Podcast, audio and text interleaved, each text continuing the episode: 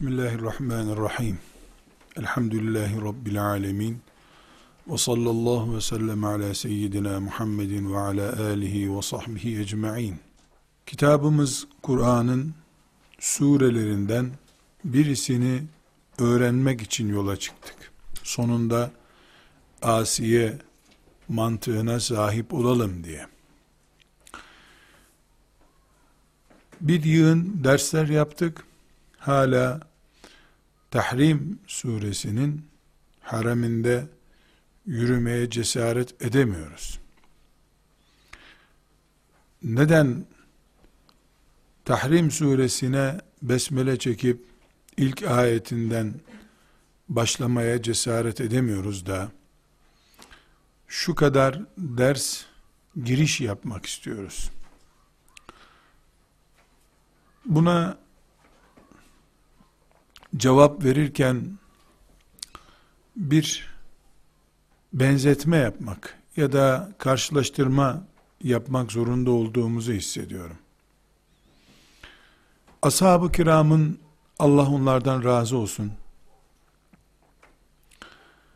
Müslümanlığıyla ilgili pek çok olayı duymuşsunuzdur muhakkak.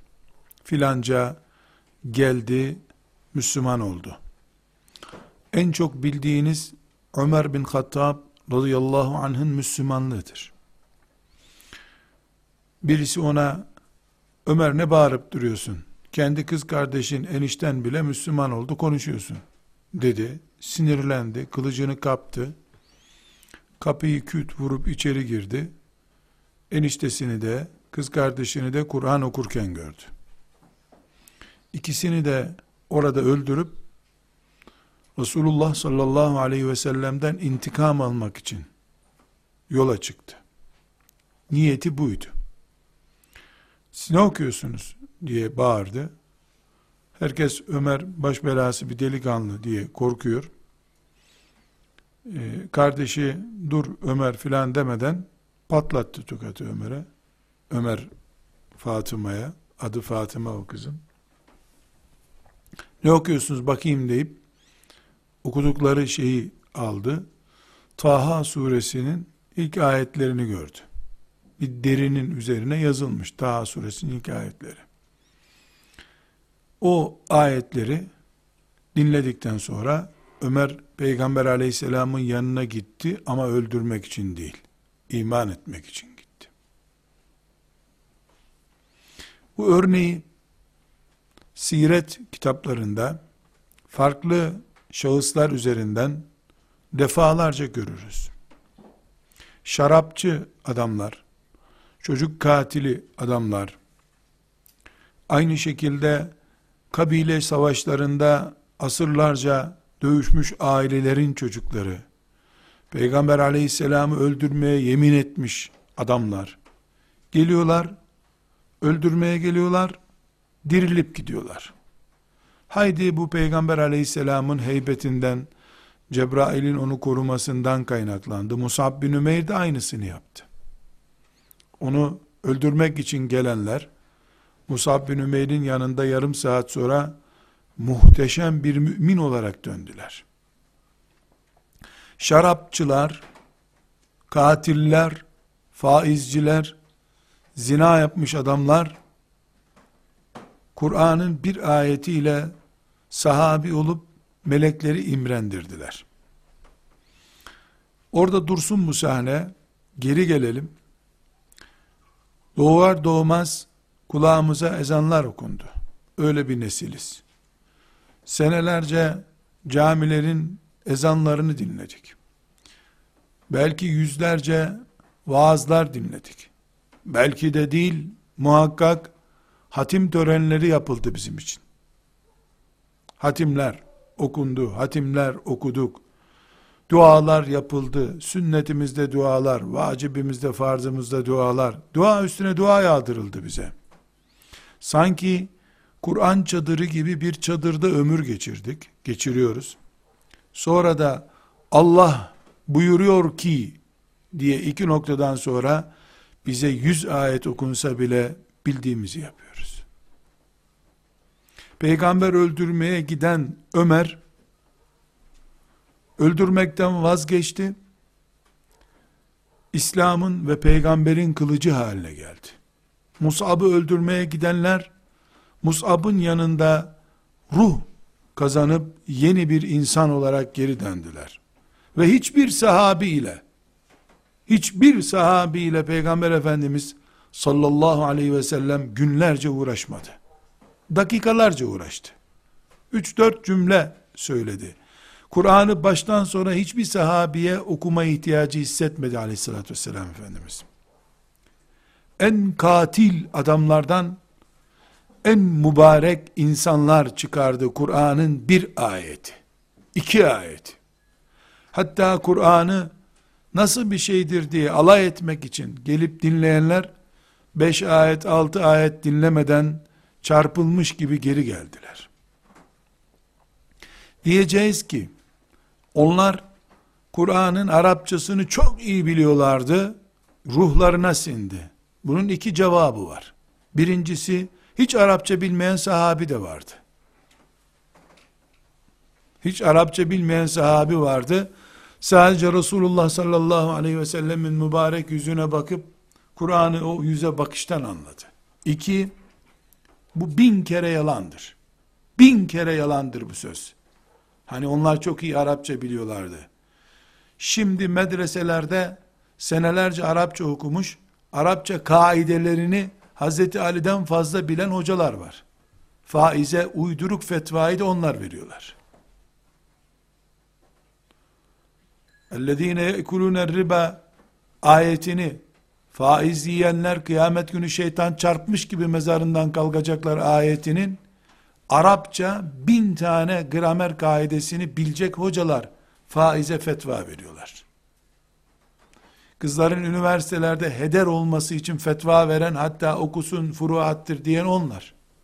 Araptan iyi Arapça bilmek fayda etseydi medreselerde 10 sene Arapça okuyup Sibeveyh'ten daha fazla Arapça bilen hocalar ya Allah'tan korkun bu haramdır derlerdi.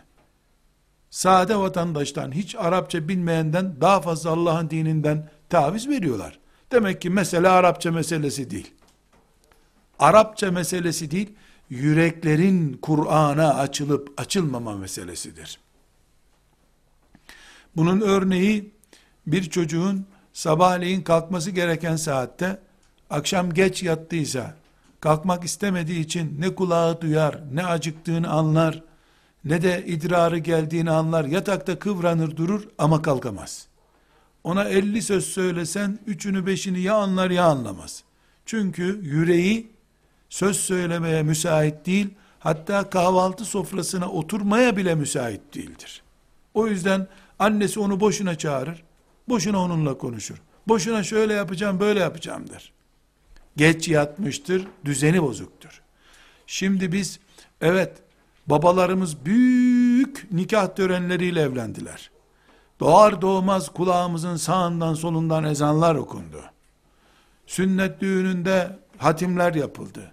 Küçük yaşta bize Fil suresini ezberlettiği için annemiz babamız bize çikolata aldılar. Fatiha'yı ezberledik diye. Yani bizim Müslümanlığımız eğer ton hesabıyla böyle kiloyla tartılsa neredeyse ashab-ı kiramdan fazla Kur'an duyduk. Hele Musab bin Ümeyr'den bin kat fazla Kur'an duyduk biz. Zavallı şehit olup Rabbine gittiğinde Kur'an'ın ne kadarı inmişti ki Musab Kur'an'ın tamamını da duymamıştı. Duysa 20-30 sure duydu Kur'an'dan. Bilemedin 50 suresini duydu veya duymadı. Ama biz Kur'an'ı çocukken hatimler ettik. Çeyize hatim icazet belgeleri koydu kızlar. Ama Allah diyor ki sözünden sonra kulaklar açık değil. Bunun için işte Tahrim suresini okuyalım. Bu Tahrim suresiyle asiyeleşelim dediğimiz zaman 20 ders, 30 ders, 10 10, 20, 40 blok halinde ders yapsan bile zihinler açılmıyor. Asiyeleşmekten söz etsen, mücahitleşmek, arşın gölgesinde olan gençlerden söz etmek, ne söz edersen et, uyku saati geç başladığı için, henüz uyanmaya niyeti olmadığı için yatakta bir sağa bir sola dönen, he doğru söylüyorsun deyip tekrar kestiren, he yahu asi olmak lazım, arşın gölgesine gitmek lazım deyip uyumaya devam eden bir çocuk görüntüsü veriyoruz. Yürekler Kur'an'a açılmadıkça şehitlik bile kıymetli bir şey değildir. Önce her şeyden önce, her şeyden önce Allah'ın kitabı Kur'an'a iman etmek demek, her şeyden vazgeçip Allah ve Kur'an demektir. Kur'an-ı Kerim'i ders kitabı olarak, yani işte sınıf geçmek için bundan da puan almak lazım diye okuyan talebe başka, Rabbimle konuşuyorum diye kıbleye dönüp Kur'an okuyan ve anlamaya çalışan başkadır. Bütün nesiller bu imtihana tabi tutuldular şüphesiz ama bizim neslimiz Kur'an'a kulağını tıkadığı halde Kur'an mücahidi numaraları yapan bir nesil olarak göklerde rezil durumdayız şu anda. Neden? Çünkü bir yandan Kur'an mücahitleri edebiyatı yapıyoruz. Diğer yandan Kur'an'dan en büyük tavizi Kur'an'ı daha fazla bilenler yapıyor ise bunun adı çelişki işte. Bu çelişkiden dolayı ne Tahrim suresine başlayabiliyorsun ne de başka bir ayeti celileyi okuyunca muhakkak anlaşılır, gereğiyle amel edilir zannedebiliyorsun. Bir sıkıntı yaşıyoruz. Allah bu sıkıntımıza yardım ederse bunu aşacağız. Yoksa elimizde Kur'an bulunduğu halde maazallah Kur'an'a rağmen eriyip gideceğiz. Kur'an'a rağmen elimizde Kur'an olduğu halde eriyip gideceğiz. Allah muhafaza buyursun. Ashab-ı kirama tekrar dönüyoruz. Ne oldu da Allah diyor ki deyince her şeyi, her dünya nimetini, bütün zevklerini ferahat ettirdiler. Enes bin Malik radıyallahu anh diyor ki, henüz alkolün haram edilmediği döneme ait bir hatırası, bir gece diyor, babam, babalığımın yani annesinin, kocasının, yani üvey babasının evinde misafirlere şarap ikram ediyordum diyor. O akşam şarap ikram ediyorduk diyor.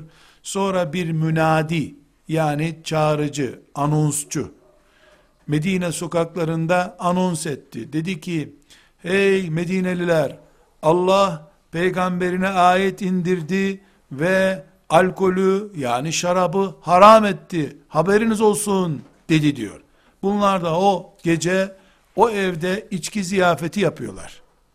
Münadi, anonsçu ise Allah peygamberine ayet indirdi, alkolü haram etti, haberiniz olsun diyor. Enes İbni Malik diyor ki, bu münadiyi duyar duymaz, duyar duymaz hemen herkes elindeki kadehleri bıraktı, bana babam emretti, aldım, e, evimizdeki içki fıçısını Medine'de sokağa döktüm. Sabahleyin çıktık ki herkes sokağa dökmüş, Medine'de sel olmuş zannettik diyor. Daha henüz dur bakalım peygamber kendisi mi söyledi, 24 saat içinde mi bu kanun uygulanacak, hepsini mi dökeceğiz, acaba bunlardan sirke yapsak caiz midir soru sormadılar. Hiç soru sormadılar. Allah alkolü yasak etti, haberiniz olsun ey Medineliler deyince fıçılar devrildi. Şimdi elhamdülillah kulağına ezan okunmuş çocuklarız. Çok şeyler biliyoruz İslam'dan ama gazozda alkol var deyince filan hoca bu kadarı zarar etmiyor diyormuş. Yahu bu meyve sularında da var mıymış? Varsa da oranı ne kadarmış? De dur sen. De dur sen. Onlara Allah haram etti deyince fıçıları devirdiler. Karşılığında da dirilir dirilmez cennetin kapısında ilk girenlerden olacaklar. Şimdi bu kadarı mı alkoldür, şu kadarı mı alkoldür, sarhoş mu eder, diş mi ağırtır, mide mi çürütür diye soru soranlara da dur bakalım bir kimlik testi yapalım denir cennetin kapısında. Allah muhafaza buyursun. Her şeyden evvel Kur'an'ı öğrenmekten, tefsirini öğrenmekten önce Kur'an'a teslim olmak lazım. Her dediğine evet demediğin sürece bilgi baş belasıdır. Nice alim, nice e, bilmiş insanlar kıyamet günü keşke hiçbir şey bilmeseydim de hesabım daha kolay oldu, ol, olurdu diyeceklerdir maazallah. Şimdi Kur'an-ı Kerim'in tarihinden söz ediyoruz. Bu tarihte e, bilmemiz gereken önemli hususlar var. E, bunu bir önceki derste izah etmiştim. Neden önemsiyoruz bunu? Çünkü şeytan yer yer bize yanaşıp işte bu şöyle olabilir, böyle olabilir diye Kur'an'a imanımızı zayıflatabilir. Ashab-ı kiram Cebrail aleyhisselamı bile farklı şekillerde gördüler. Resulullah sallallahu aleyhi ve selleme vahyin inişini gözleriyle izlediler. Sahabenin birisi Resulullah sallallahu aleyhi ve sellemin yanındaydı. Efendimiz sallallahu aleyhi ve sellem de mübarek ayağını onun ayağının üstüne koymuştu. Bir küçük dağ ayağımı eziyor gibi hissettim bir ara diyor. Sonra baktım aleyhissalatü vesselam Efendimizin yüzünden terler boşalıyor. Anladım ki ona vahiy iniyor. Sonra ayağım hafifledi. Anladım ki vahiy bitti diyor. Resulullah sallallahu aleyhi ve sellem o arada kendisine inen ayetleri bize okumaya başladı diyor. Bu şekilde Kur'an ayetlerinin inişini, Cebrail'in farklı şekilde gelişini, gidişini, Resulullah sallallahu aleyhi ve sellemin mübarek yüzünden vahyin indiği anları izlediler. Bu izleme onların imanını şüphesiz etkiledi. Kuvvetli imanları oldu. Ama hemen bir soru e, gelebilir. Hani başta demiştik ki bir ayeti dinler dinlemez kuvvetlenmişlerdi. Demek ki bak bu eğitim onlardan geçti. Hayır öyle değil. Bu olayı anlatan sahabi bile kim bilir bir ayet dinleyerek iman etmiştir. İman etmek için Resulullah'ın önüne gittiklerinden bir ayet onları etkiledi. Daha sonra da Allah imanlarını takviye etti. Örnekler gösterdi. Bugün biz Kur'an'ın bize ulaşma tarihini eğer ashab-ı kiramın Kur'an bilgisi düzeyinde Kur'an'ı gözleriyle görür gibi biz de gözlerimizle görür gibi öğrenirsek yarın bir ayeti dinlediğimizde ha Allah böyle buyuruyor diye itaat etmemiz kolay olur. Bu sebeple Kur'an tarihini bilmemiz çok önemli. Müşriklerin, kafirlerin, sekülerist insanların bizim fitnemiz olmasını bu şekilde önlemiş oluruz. Aksi takdirde birisi çıkar bir televizyonda, bir derginin sayfasında aslında Kur'an şöyleymiş böyleymiş der. Maazallah biz de şüphe ederiz. Yahut da kalbimizdeki kuvvet azalır. imanımız tehlikeye girer. Nauzu billahi teala. Kur'an-ı Kerim tarihinden söz edileceği zaman gerek Tevrat'tan, Zebur'dan ve İncil'den ve gerekse diğer Allah'ın kitapları olan sahifelerden farklı olarak Kur'an-ı Kerim'in iniş şekli farklıdır. Tevrat'ı Allah bir kere de Musa aleyhisselama verdi. İncil'i İsa aleyhisselama bir kere de verdi. Kur'an-ı Kerim ise bildiğimiz gibi ayet ayet sure sure 23 yılda indi. Peki neden Allahu Teala Tevrat'ı bir günde verdi? Kur'an-ı Kerim'i 23 yılda verdi. Bunun otomatik cevabı şudur. Öyle murad ettiği için. Bitti. Ama biz beşer olarak çok basit bir yorumda yapabiliriz. Nedir o yorum?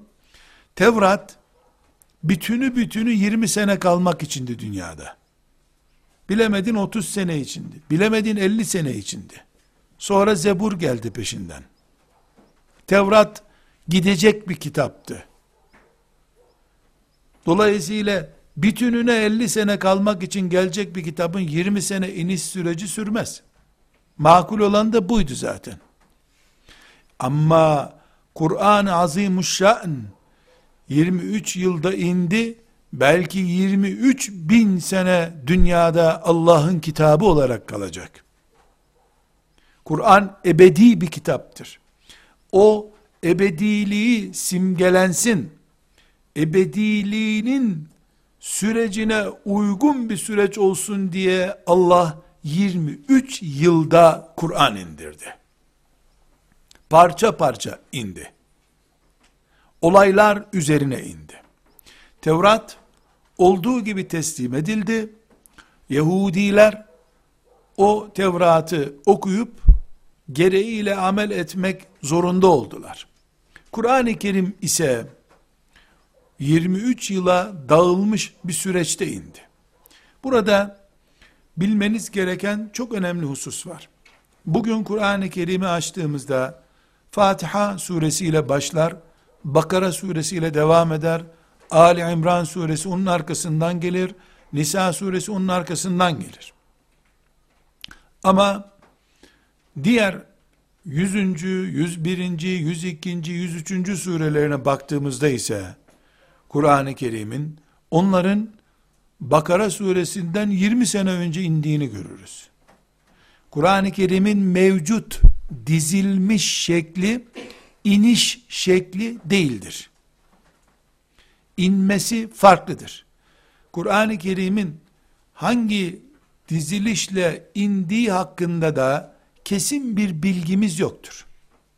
Yani Kur'an-ı Kerim'i şu mevcut haliyle değil de iniş sırasına göre surelerin ve ayetlerin iniş sırasına göre dizelim desek elimizde kesin bir bilgi olmaz. Çünkü Resulullah sallallahu aleyhi ve sellem Efendimiz vefat etmeden önce bu şekilde dizilecek diye Kur'an-ı Kerim'i tembih etti. Ee, Fatiha suresi, Bakara suresi, Bakara suresinin içindeki ayetler hepsi Resulullah sallallahu aleyhi ve sellemin tembihi ile dizilmiştir. Mevcut diziliş ashab-ı kiramın dizilişi değildir. Ashab-ı kiram Kur'an-ı Kerim'i bu şekilde dizmedi. Resulullah sallallahu aleyhi ve sellem Efendimiz nasıl tembih buyurduysa Kur'an-ı Kerim o şekilde dizilmişti zaten. Burada e, bir hususu özellikle belirtmek istiyorum. İnsan yenilikten lezzet alır. Hatta Arapça bir atasözü var. Halif tu'raf. Aykırı davran, dikkat çekersin. Aykırı davran, dikkat çekersin diye bir atasözü vardır. Halif tu'raf. Aykırı davran, dikkat çekersin. Şimdi herkesin kıbleye doğru oturup namaz kıldığı bir camide kimse kimsenin dikkatini çekmez. Ama bir kişi kıbleye değil de sağa doğru dönse, namaz kılmaya başlasa, herkes onu merak eder, ne yapıyor bu adam diye. Farklı bir namaz mı kılıyor? Kudüs'e doğru mu kılıyor? Bu Müslüman değil mi? Orada milletin namazı kalır, onunla meşgul olur insanlar. Bu, mesela camide, cam, imamın kıyafeti, bir tür farklı kıyafet olduğu için, imam olduğu herkes tarafından anlaşılır. İnsanın genlerinde dikkat çekmek vardır. Çocuk bunu yaramazlık yaparak dikkat çektirir. E, büyük insanlar ise yer yer şeytanın e, telkinlerini iyi duygulara, güzel niyetlere alet ederler.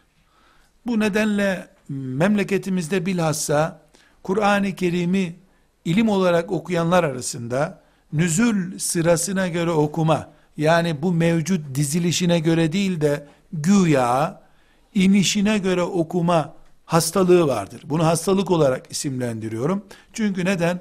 Herkes Fatiha'dan, Bakara suresinden, Ali İmran suresinden okuyor ya. Biz çok gayet ciddi akademik bir çalışma yaptığımız için bunu Kur'an-ı Kerim'in iniş sırasına göre. Neden ama bak çok önemli. Neden? Çünkü ashab-ı kiram Kur'an-ı Kerim'in bir iniş sırasına göre adam oldular. Şimdi Fatiha'dan başlandığı için, Ali İmran'la devam edildiği için, ashab-ı kiram gibi mücahit olamıyoruz. Ee, İbn Mesud nasıl öğrendiyse Kur'an'ı öyle öğrenmek lazım. Onun için tefsir dersi yapacağız. Nereden başlıyoruz? Kalem suresinden. Niye Kalem suresinden başlıyoruz? Alaktan başlayalım. Olur, alaktan başlayalım. Niye alaktan başladık? E, ilk bu indi. Hani kalemden başlıyorduk. E sure olarak bu inmedi. ilk beş ayet indi. Karıştır işin yoksa. Sabaha kadar uğraşacak.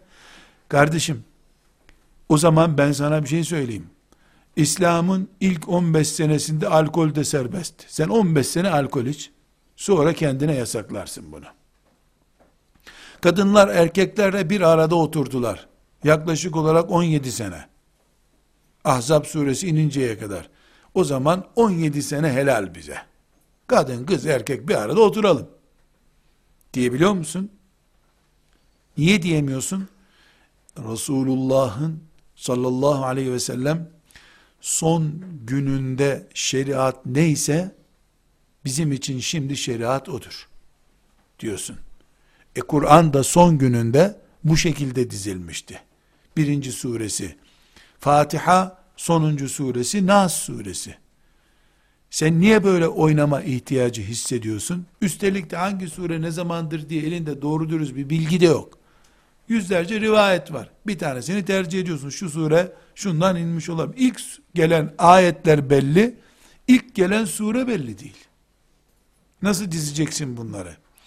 Bu sebeple ashab-ı kiramın teslimiyeti gibi teslim olup öğrenmekten başka bütün yöntemler oyuncaktır diyorum.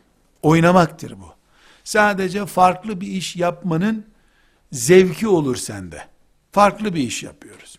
İnşallah bir sonraki dersimizde Kur'an-ı Kerim'in tefsiri nasıl yapılır, kim nasıl tefsir yapar, biz sıradan bir e, Müslüman olarak, bu asrın Müslümanı olarak hangi tefsiri nasıl okumalıyız diye bir ders yapacağız. Orada bunun ayrıntılarına gireceğiz inşallah.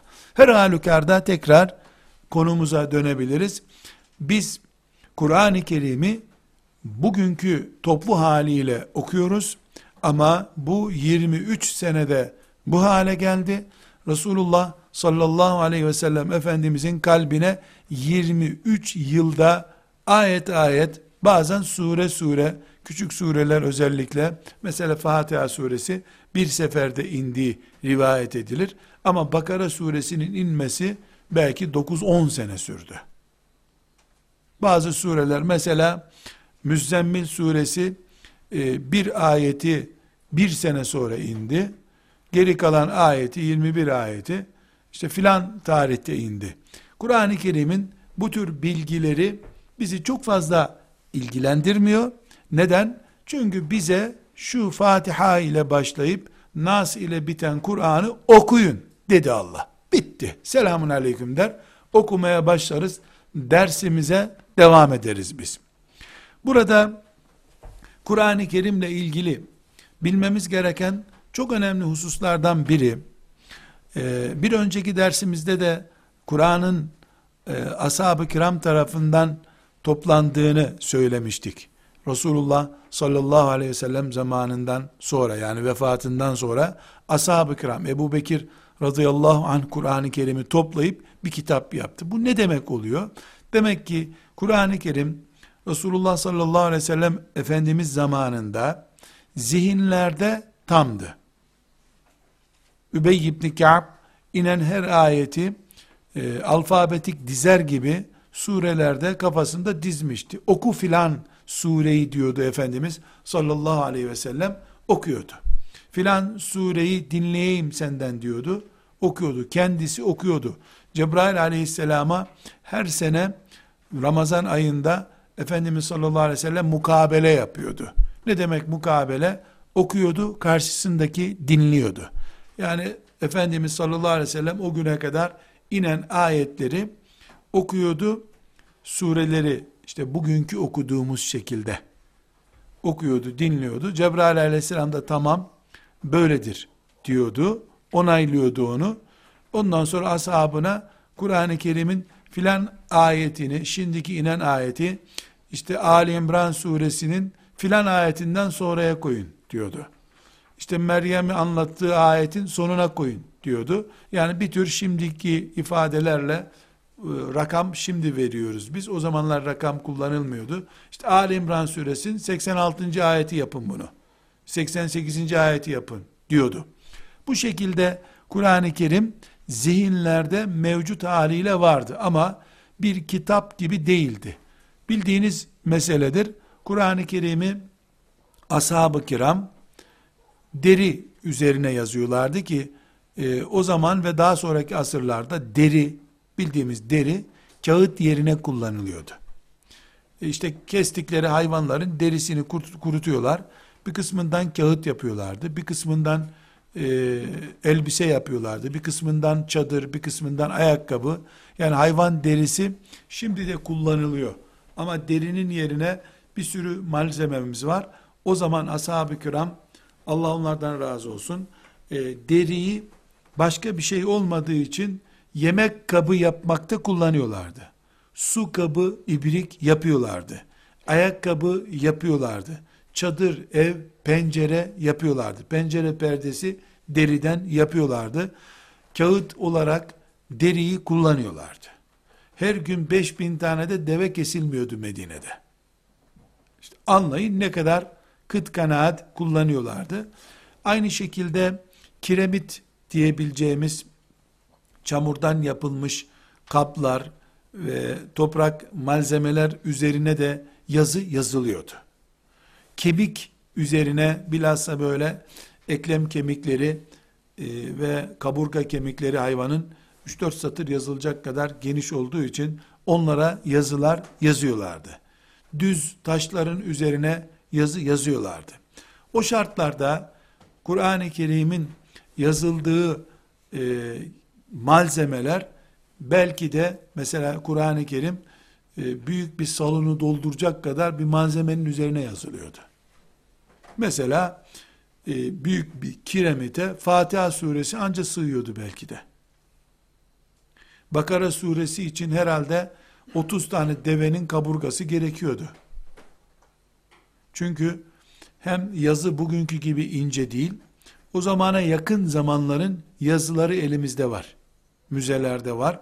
Yani direkt ashab-ı kiramın yazdığı yazının örnekleri elimizde yok zannediyorum ama o döneme yakın yani yaklaşık olarak 100 seneye yakın yazılar var. E, bugünkü punto rakamlarıyla 50-60 puntoluk yazılar. Yani gazetelerin hemen hemen birinci sayfasında çıkan büyük haber başlıklarına benzer boyutta yazılıyor yazılar o zaman. Şimdi şu anda Kur'an-ı Kerim olarak yani kağıtta yazılmış, matbaada basılmış normal işte evde okunan bir Kur'an-ı Kerim 20 puntodur. Bunun yaklaşık punto hesabıyla kullanacak olsak 60-70 punto gibi büyük bir rakamda yani mevcut matbaa stiliyle bile yazılsa e, bir cilt olan Kur'an-ı Kerim herhalde 7-8 cilt olur. Böyle büyük e, emeklerle, gayretlerle ashab-ı kiram derilere, kemiklere, kiremitlere, ağaç kabuklarına Kur'an-ı Kerim'i yazmışlardı. Resulullah sallallahu aleyhi ve sellemin vahiy katipleri vardı. Bu vahiy katipleri yani bir kişi beş kişi değil baya kalabalıktılar. O anda yanında kim varsa gelir gelmez bunu bir yazın buyuruyordu. Yazıyordu ashab-ı kiram. Sonra işte nerede saklanıyorsa onlar götürüp o saklanan yerde mescidin bir köşesinde veya bir sahabinin evinde onlar korunuyordu. Böylece Resulullah sallallahu aleyhi ve sellem Efendimiz vefat ettiğinde büyük bir e, külliyat gibi yani koca bir kütüphaneyi diyelim dolduracak kadar bir malzeme çıktı. Ashab-ı kiram e, endişelendiler. Bunlar kaybolur ne ederiz diye. Zeyd bin Sabit radıyallahu anh'ın başkanlığında bir komisyon oturdu. Bunları bir kitap, deriden bir kitap haline yaptı. Bugünkü Kur'an-ı Kerim dediğimiz kitap ortaya çıktı. O gün dün bir önceki dersimizde konuştuğumuz gibi ashab-ı kiram icma ettiler ki bu Allah'ın kitabıdır.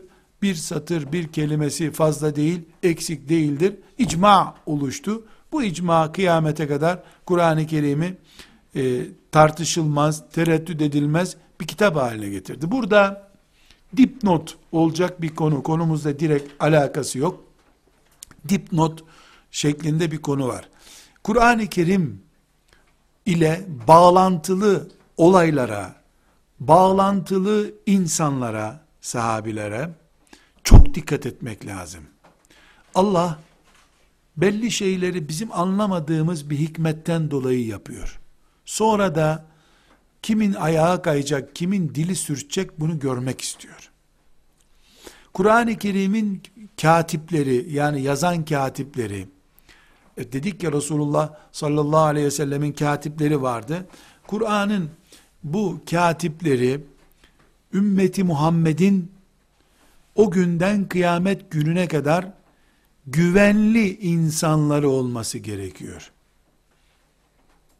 Eğer Resulullah sallallahu aleyhi ve sellem şu ayeti yaz bakalım dediği kişi güvenli bir kişi değilse bu kıyamet gününe kadar bütün dünya insanlarının kurtarıcı kitabı olan Kur'an-ı Kerim'de bir güven sorunu çıkarır ortaya.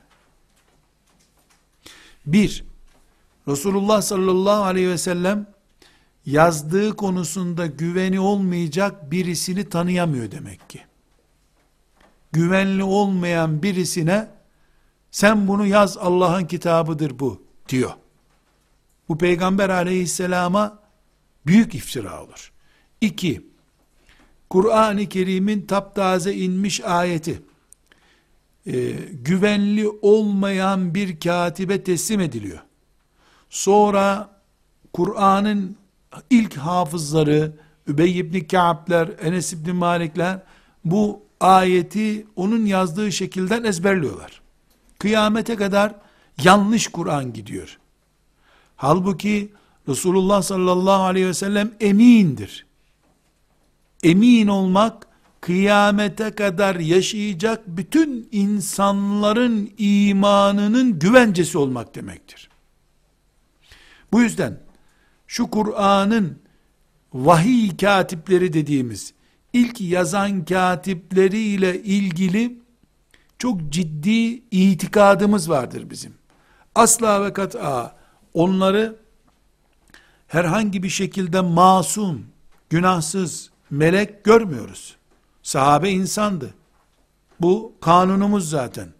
Ama vahiy katipleri olarak seçilmiş bulunan ki yaklaşık 7-8 sahabi bazı rivayetlerde tek tük katip olarak kullanıldığı söylenenlerle beraber daha çok olabilir. Ciddi vahiy katipleri konusunda biz güven taşıyoruz. Nedir bu güvenimiz? Resulullah sallallahu aleyhi ve sellem Efendimiz ulu orta herkese yaz bunu demez diye düşünüyoruz. Burada bu kaideyi yani Resulullah sallallahu aleyhi ve sellemin katip olarak seçtiği sen şu ayetleri yaz dediği insanların güvenliliği üzerinde konuşuyoruz. Bu bizi şu sonuca götürüyor. Hala dipnottayım. Muaviye bin Ebi Sufyan radıyallahu anh vahiy katiplerinden birisidir. Bu da bu bilgide kesindir. Vahiy katibi olarak Efendimiz sallallahu aleyhi ve sellemin onu görevlendirdiği kesindir. Aynı zamanda Resulullah sallallahu aleyhi ve sellemin de kayınçosudur. Yani ablasıyla da Resulullah sallallahu aleyhi ve sellem nikahlandı. Ablası da anamızdır. Müminlerin analarındandır. Ama Muaviye bin Ebi Süfyan radıyallahu anh Resulullah sallallahu aleyhi ve sellemin kayınçosudur. Ablasıyla evlenmiştir. Bu bir yorum götürür. Çünkü babası müşrik birisiyle de evlenmiş olabilir Efendimiz sallallahu aleyhi ve sellem. Birisinin imanı başkasını ilgilendirmiyor. Yani eğer Muaviye bin Ebi Sufyan radıyallahu anh Resulullah sallallahu aleyhi ve sellemin kayınçosu yani ablası Resulullah sallallahu aleyhi ve sellemin hanımı ise otomatik olarak bu ne demektir? Ee, Muaviye bin Ebi Sufyan müminlerin dayısıdır. Müminlerin dayısı nasıl oluyor? Ablası Resulullah'ın hanımı. Resulullah'ın hanımları müminlerin anneleri. Evlâ bil müminine min enfusihim. Ve ezvâcuhu ummahâtuhum. Peygamber size canınızdan daha yakındır. Hanımları da analarınızdır. Kanun. E, anası eğer benim anam oysa onun abisi, erkek kardeşi de dayım demektir. Muaviye bin Ebi Sufyan radıyallahu anh müminlerin dayısıdır. Bunu teğet geçebilirim. Ama Muaviye Kur'an yazan katiptir dediğimiz zaman bunu kıyamete kadar teğet geçemem. Muaviye'nin üzerindeki herhangi bir tartışma kıyamete kadar yahu bu Muaviye'nin yazdığı ayet olmasın şu hırsızların kolunu kesin ayeti dedirtir. Nasreddin Hoca'nın bindiği dalı kesmek hikayesine benzer bu. Oturup genç çocuklar tıfıl daha beş satır yazıyı Arapça metninden bile okuyamamışlar.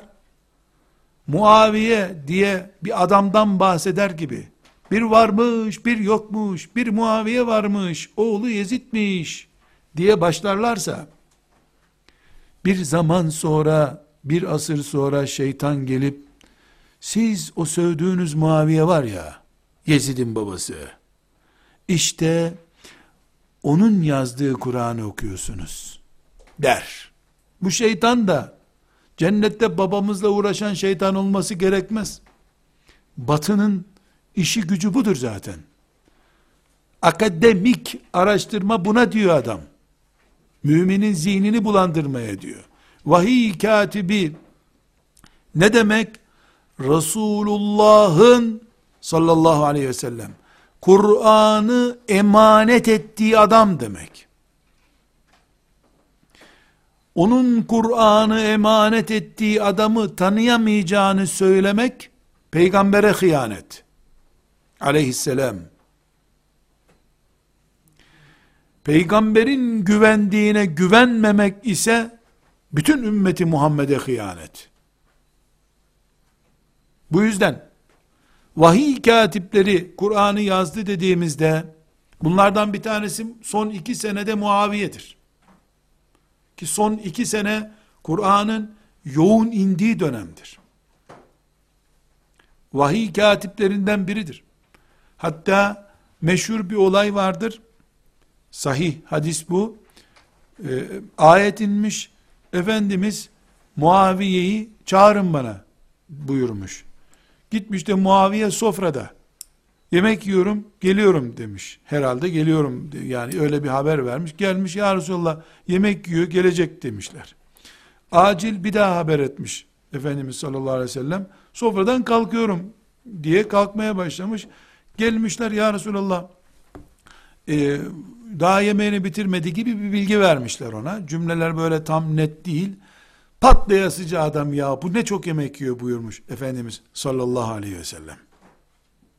Burada duruyorlar. Noktalı virgül koyuyorlar. Tamam Muaviye beş kuruş etmez. Bak ne dedi Peygamber sallallahu aleyhi ve sellem. Ve ahlakı kıt adam. Madem kızdı Resulullah sallallahu aleyhi ve sellem. Başka bir katip bulun niye demedi? 15 tane kadar katibi vardı. Ayet uzundu. Muaviye'nin e, yazı kabiliyeti daha hızlı, daha çok yazıyor Muaviye gibi bir sebeple bana illa Muaviye gelecek dedi. Bekledi Muaviye'yi, o ayeti yazdırdı. Madem çok yemek yiyor bu adam, yuh be midesi kalın gibi bir ifade kullandı. Bu adama Kur'an yazdırılmaz niye demedi? Demek ki onu espri olarak yaptı. Hiç Resulullah sallallahu aleyhi ve sellem kaba adam, obur adam dediği birisine Kur'an yazdırır mı bir daha? Efendimiz sallallahu aleyhi ve sellem böyle bir espri yaptı ona. Kızmadı ama kızsaydı Muaviye o gün gökten bir yıldırım düşüp ölmüştü zaten. Gitti gene yaz dediği ayeti yazdı. Muaviye radıyallahu anh konusunu işlemiyorum burada.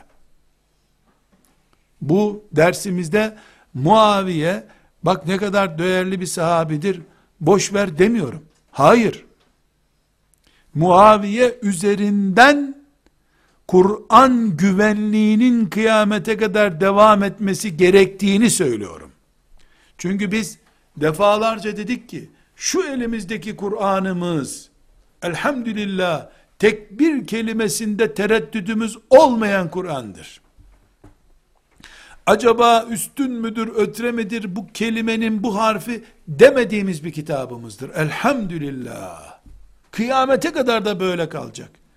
Ama birileri çıkıp bir yerde Muaviye'den, öbür tarafta filancadan, öbüründe de filanca sahabi üzerinden, hiç Kur'an'ı gündeme getirmeden, isimler savaşı yaparak, o isimlerden bizim midemizi bulandırırsa, iki asır sonra, gelen nesillerden birine, bak kesin bilgi var, Muaviye sahtekar. Bu kesin değil mi? Kesin. E bu sahtekarın yazdığı Kur'an bu. Ha, iki asırda, gelecek kuşaklar ilahiyat fakültelerinde neyle meşgul olacaklar? Muaviye'nin yazdığı ayetleri tespit edelim, garantili ayetler ortada kalsın diyecekler. Muaviye'nin yazdığı ayeti tespit etmeye kalktın mı, seni melekler tespit ederler münafık herif diye. Çünkü bu ümmet, bin seneden fazla bir zamandan beri, yüzde yüz Kur'an'ın güvenilirliğine itimat etmiştir. Bir serseri tam anlamıyla bir serseri asırlar sonra çıkıp Kur'an'ımızdan direkt ve dolaylı yöntemlerle şüphe etmemizi sağlayacak bir ifsat yaparsa, zındıklık yaparsa, biz ümmet olarak Kur'an'ımıza sahip çıkarız. Kur'an'ımızı direkt veya dolaylı kuşatan isimlere sahip çıkarız. Bu dipnot çok önemli. Burada Muaviye'yi konuşmuyoruz. Muaviye bile olsa radıyallahu anh üzerinde tartışılan isimlerin faturası Kur'an'a kesilecekse o tartışmayı yapmayız diyorum. Allah'a salarız. Evet, Muaviye büyük bir sahabi olarak Resulullah sallallahu aleyhi ve sellemle beraber kılıç kuşanmış birisi olarak Kur'an'ı yazma şerefine ermiş bir sahabi olarak Yezid gibi bir çocuğu ümmetin başına geçirmemeliydi. Bu bir hatadır. Ama hatadır. Hatadır. Bu hata kafir mi yapmıştır onu? Dinden mi çıkarmıştır? Madem böyle bir hata yaptın, sahabiliğin iptal oldu mu denmiştir. Kim diyecek bunu sonra? Sahabi olduğuna peygamber şahit. Sallallahu aleyhi ve sellem. Kur'an emanet edilebilir birisi olduğuna peygamber kefil. Aleyhissalatü vesselam. Sonra peygamberin onayını bozacak kim? Kim? Mutezile mi? Şiiler mi? Hariciler mi? Kim peygamberin mühürünü bozacak? Daha sonra ilahiyat fakültesinde yapılmış bir doktora tezi mi? Bir medresede oturulup konuşulmuş bir konferans konusundan dolayı mı Resulullah'ın güveni aleyhissalatü vesselam sıfırlanmış olacak? Tekrar ve tekrar söylüyorum. Konum Muaviye değil. Ama en tartışmaya müsait bir isim olduğu halde Muaviye, çünkü Yezid gibi birini, ki Yezid kafir değil, kafir değil, kafirlerin yaptığını yapacak diniyette bir adam. Kafir değil. Müslümanım dedi çünkü. Belki kalbinde zerre kadar iman yok. Onu Allah bilir.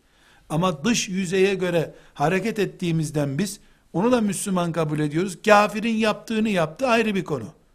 Belki merhametli bir kafirin bile yapmayacağı kadar büyük bir şenaat işledi. Ama her halükarda müminler arasında bir mümin olarak biliniyordu. Onu ümmetin başına musallat etmeyecekti. Büyük bir hataydı bu. Ama bu hataya rağmen, bu hataya rağmen biz Resulullah sallallahu aleyhi ve sellemin güveniyle, teminatı ile oynayamayız. Resulullah sallallahu aleyhi ve sellemin teminatı ona Kur'an'ı teslim etmesinden kaynaklanıyor. Bu teminatla bugün oynadığımız zaman gelecek kuşaklar Kur'an'la oynarlar. O yüzden Allah'a salınmış işleri Allah'ın kıyamet günü halledeceğine iman edip sessiz sedasız oturmak en iyisidir. En iyisi budur. Muaviye üzerinden yol alıyorum hala. Ama konum Muaviye değil. İşte aynı şekilde Kur'an-ı Kerim'in yazılma süreci, ayetlerin okunma süresi vesaire gibi konularda bir örnek daha vereceğim. Şimdi herhangi bir talebe grubu veya Müslüman grubu oturup Rabbimizin kitabından bir şeyler öğrenelim deseler, en basit örnek bizim burada yaptığımızdır. Tahrim suresinin haraminde yürüyeceğiz inşallah. Zihinlerimizi buna hazırlayabilirsek. Teslimiyetimizi, sadakatimizi gösterebilirsek yürüyeceğiz inşallah. İlk ayetinde ya eyyühen nebiyyü lime tuharrimu ma ahallallahu lek ayetinde bu ayet ne zaman indi, niye indi diye bilgiler var tefsirlerde. Okuyunca göreceğiz. Bazı rivayetler Efendimiz sallallahu aleyhi ve sellemin cariyesi Mariye'yi öne çıkarıyor. İbrahim'in annesi olan kadın. Bazı rivayetlerde Sevde annemizi veya Zeynep binti Cahş radıyallahu anha annemizi öne çıkarıyor. İşte onun yanındayken konuştu vesaire. Bazı rivayetler e, Hafsa annemizin e, Mariye'yi kıskanıp sen nasıl onunla bir arada olursun diye Efendimiz'i ayıplamaya, kınamaya çalıştığını, bunun üzerine Resulullah sallallahu aleyhi ve sellemin tamam Mariye'yi kendime haram ettim dediğini söyler. Bazı rivayetlerde Zeynep annemizin yanında içtiği bir bal şerbetini e, çok hoşlanmış. E, Zeynep annemiz de onu saklamış. Her gün kindi namazından sonra Efendimiz'e o bal şerbetinden ikram ediyormuş. Ayşe annemiz de, Hafsa annemiz de nedir bu her gün oraya gidiyor yahu deyip bir e, alavara dalavara yapıp ağzın çok kokuyor ya Resulallah. Megafir denen bir bitki var. Kerih kokusu var. Ağzın megafir kokuyor ya Resulallah deyip eyvah Zeynep'in orada içtiğim baldan oldu bu. Eyvah deyip Efendimiz ağzın ağız kokusu onun için e, çok çirkin bir şey. Daha içmem diye bal şerbeti yemin etmiş. Şimdi bunları tefsirlerde baştan aşağı görürsünüz. Müfessirin vazifesi kendisine ulaşan bütün bilgileri aktarmaktır. Ama ilim talebesinin vazifesi bu bilgilerden sağlam olanını anlamak, gerisini yok saymaktır. Eğer ilim talebesi değilsen, sen Celaleyn tefsiri okursun, Fatiha deyip namazına devam edersin. Öbür derse hazırlanırsın. İlim talebesi demek, bin bir tahlilin içerisinden bir tanesini çıkaran demek. Tıpkı doktorun yaptığı gibidir. Doktor ne yapıyor? Şuram ağrıyor diyorsun. Sana bir liste yazıyor. İçinde 100 tane madde var. Şu şu şu şu şu şu şu özelliklerin tahlili olsun diyor. Yahu sen benden bir hastalık arıyorsun, 100 tane tahlil çeşidi istedin diyemiyorsun. Gidiyorsun laboratuvara kan veriyorsun. 100 tane isim çıkıyor karşına. Şu şu puan, şu şu şu yüksek, şu alçak. Bir tanesinin altını çiziyor doktor. Şu mikrop bulaşmış diyor. Bundan dolayı hastasın diyor. E bunun için niye bu kadar tahlil yaptırdın? Diyemiyorsun sen. Çünkü doktor kehanetle bilecek hali yoktu onu. Kur'an-ı Kerim ve diğer ilimler, fıkıh da böyle bir şeydir. E, yüzlerce önüne alternatif gelir. Kimi yanlış anlamış, kimi doğru anlamış. Bunlardan sahih rivayet hangisi ise onu alır, gerisini bırakarsın. Bu her ayette böyledir. Şimdi biz Kur'an-ı Kerim öğreneceğimiz zaman Tahrim suresini veya filan sureyi okuyacağımız zaman bir derin kitaplara, derin tefsirlere daldığımızda işte Tahrim suresinde göreceğiz bunu inşallah. Bize farklı farklı bilgiler getirecek. Mariye'nin ismi karışacak, Sevde'nin ismi karışacak, e, Zeynep'in ismi, Hafsa'nın ismi, Aişe'nin ismi radıyallahu anhunne cemiyan müminlerin anneleri bu isimler hep karışacak bir aile kavgasına dönüşmüş gibi olduğunu göreceğiz. Burada ilim talebesi elini şakağına koyup hangisi sahih bunların? Bukhari'deki rivayet hangisi ona bakar. Bir menkıbe kitabında geçmiş vesaire onları bırakar. Cahil ya da Kur'an'ın neden niye indiğini, niye bir imtihan kitabı olduğunu anlamaktan uzak birisi de vay be ne fırtınalar dönmüş peygamberin evinde. Kral sarayı gibiymiş der, cehenneme yuvarlanır. Ümmeti Muhammed'in hidayet kitabı olarak gelmiş bir kitaptan cehennemi kazanır. Peki neden Allah böyle konuları gündeme getirdi? Niye Kur'an gibi bir kitap peygamberin hanımları tarafından tuzağa düşürülmesiyle ilgili bir aile kavgasını kitabın, Kur'an'ın konusu yapıyor? Ya cennet nasıl kazanılacak? Cennet nasıl kazanılacak? Kur'an-ı Kerim namazın farzlarını tarif eden bir kitap değil. Cennete girmenin yollarını tarif eden bir kitaptır. Namaz da cennete girmenin yüz yolundan bir tanesidir sadece. Aile, cennet yollarından biri olduğu için namazı tarif eder gibi aile ile ilgili konuları tarif ediyor. O konulardan en canlı örneği de peygamberin ailesinden veriyor. Kur'an'a hazır zihinli olmak lazım. Kur'an-ı Kerim'i anlamanın en zor ya da en çetrefilli nedenlerinden biri de Müslüman insan Kur'an deyince gözünü kapatacak cennetteki ırmaklar, lalelerden bahsettiğini zannedecek. Ya da sadece cehennem ayetlerinden bahsedecek. Ya da namazı tarif edecek, oruç tutun diyecek. Bildiği on madde var İslam namına. Kur'an onlardan bahseder zannediyor. Açıp da Kur'an'da Peygamber aleyhisselamın yatak odası ile ilgili veya evinin yatak dünyası ile ilgili şeylerden bulunca aa aa aa ya müşrikler de aa yaptıkları için cehenneme yuvarlandılar zaten. Ne dedi müşrikler? Bu ne biçim peygamber ya? Geçen hafta bizimle çarşıda dolaşıyordu. Peygamber çarşıda dolaşır mı? Geçen beraber yemek yedik. Madem peygamber niye yemek yiyor dediler. Müşrikler niye Kur'an'a inanamadıklarını Peygamber sallallahu aleyhi ve sellem'i güvenli biri buldukları halde sen peygamberimizsin niye diyemediklerini ayet çok açık söylüyor. Bu bizimle beraber çarşıda dolaşıyor. Yani normal insan bu. Bu bizimle beraber yemek yiyor. Yemek yiyen adamdan peygamber olur mu? Yani peygamberin kişisel hayatını içlerine sindiremediler. Peygamberin melek olmasını istediler. Peygamber cin olsun istediler. Ama insan olacaksa hiç yemesin içmesin, görelim peygamberliğini dediler. Allah tam aksine, tam aksine yiyip içen, oturup konuşan, ağlayan, gülen ve hanımlarıyla oturan kalkan bir peygamber gönderdi. Üstelik de yediği içtiği şeyler, konuştuğu üzüldüğü şeyler Kur'an'ın konusu oldu. Ahzab suresinde Zeynep radıyallahu anh'ın nikah töreninde Efendimiz yemek vermiş.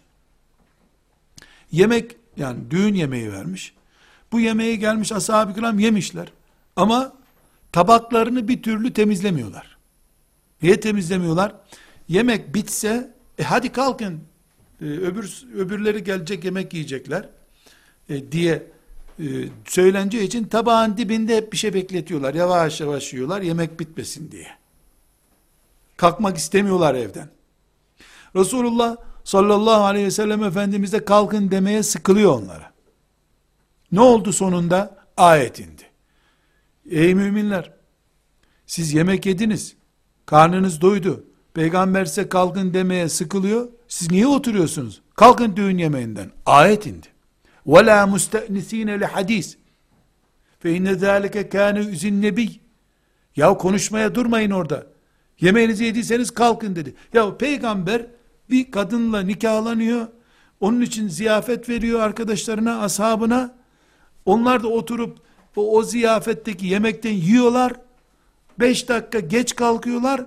Kıyamete kadar teravide, mukabelede, namazda hafızlık yaparken okuyacağımız ayetin konusu oluyor bu. Peygamberin bir hanım öbür hanımına komplo kuruyor, sure oluyor, Tahrim suresi oluyor. Surenin ismi oluyor bu. Çünkü Kur'an, Müslümanların şimdi zannettiği gibi teravide hatimle namaz kılmak için okunan kitaptan çok aile kitabıdır. Hayat kitabıdır. 24 saatlik gündemi olan bir kitaptır. Sadece caminin değil, evin, iş yerinin kitabıdır. Kur'an'a bu gözle bakamayanlar Kur'an'a tutmamalıdırlar. Aksi takdirde Kur'an yüzünden cehenneme girerler maazallah. Kur'an yüzünden helak olur insanlar. Ne yapacağız? Allah'ın kitabı Kur'an-ı Kerim'i hayatın kitabı kabul edeceğiz. 24 saat, 365 gün uzayda, yerde, yerin altında, yerin üstünde Allah'ın kitabı bize emanet diyeceğiz. Bu şartlarla Kur'an'ı görürsek, anlarsak sözümüzün başına geldik. Allah hayatı renklendirsin diye Kur'an gönderdi diye inandığından bir kelimeyle bir ayetle cennete giren sahabiler oldu.